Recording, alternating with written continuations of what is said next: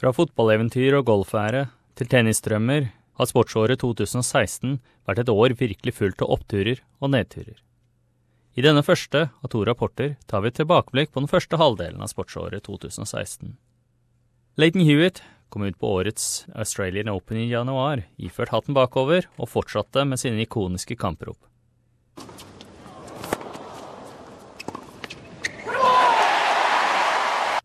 Men det skulle også være hans siste kamp, idet han tapte mot spanjolen David Ferrer. Hewitt er den yngste verdenseneren noensinne, og han pensjonerte seg fra tennis etter hva som var hans 20. Australian Open. I came out, I, I, gave everything I had, like always, and uh, you know, left nothing in the locker room. Um, that's something I can always be proud of. My whole career, I've uh, given 100%. And, um... Serbiske Novak Djokovic klarte det Hewitt aldri klarte på Melbourne Park, og vant Australian Open for en sjette gang. I kvinnens finale steg tyske Angelica Kerber frem i rampelyset da hun slo den regjerende mesteren Serena Williams.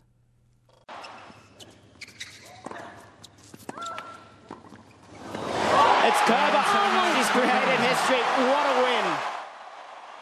Making history as well in Germany, and uh, everybody is supporting me. So it it was just incredible feeling what I will never forget. 2016 begynte med håp for Australias cricketspillere, men de ble raskt ydmyket i en endags serietap mot New Zealand. Oh!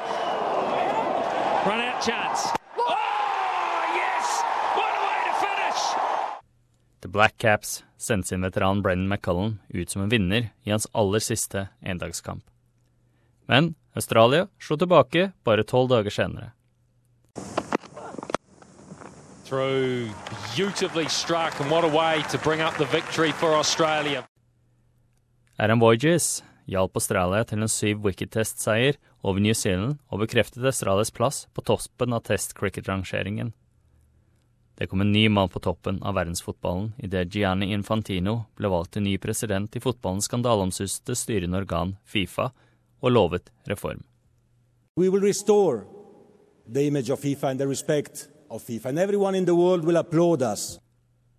Samtidig fortsatte cricketsesongen med 2020-VM i India.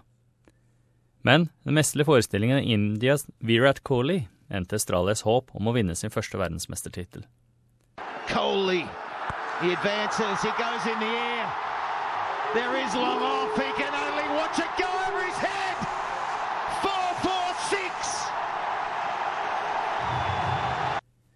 Men hold applausen for Vest-India, som tok ut begge herretrofeene.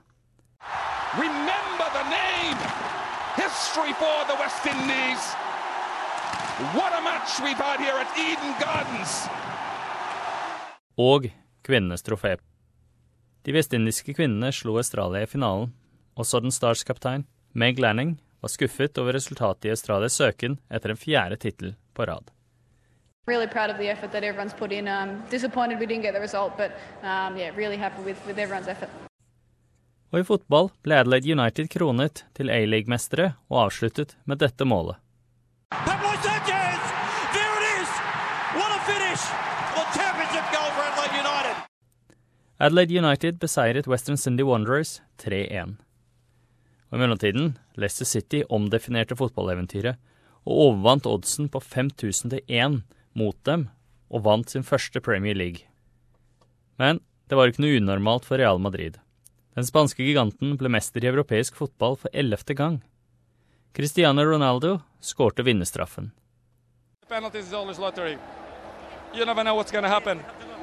But we show that our team have more experience.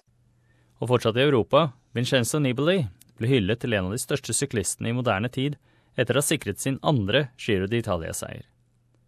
Og Novak Djokovic slo Andy Murray i enda en finale, denne gangen i French Open. And Novak Djokovic has achieved his dream, folks.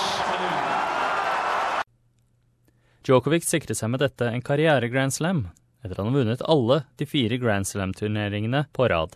Men siden de ikke var i det samme kalenderåret, ble det ikke en såkalt kalender-grand slam. Garbin Muguruza vant kvinnenes finale. Og i golf vant Dustin Johnson fra USA sin første store turnering og tok US Open-tittelen med tre slags seier. Men snart, etter dette, skulle verden ta farvel til bokselegenden som overskred sport. Mohammed Ali var tre ganger verdensmester i tungvekt og vil bli husket som en av de mest kjente personene i det 20. århundret. That makes me rumble. Don't we rumble? Float like a butterfly and sting like a bee. Ah!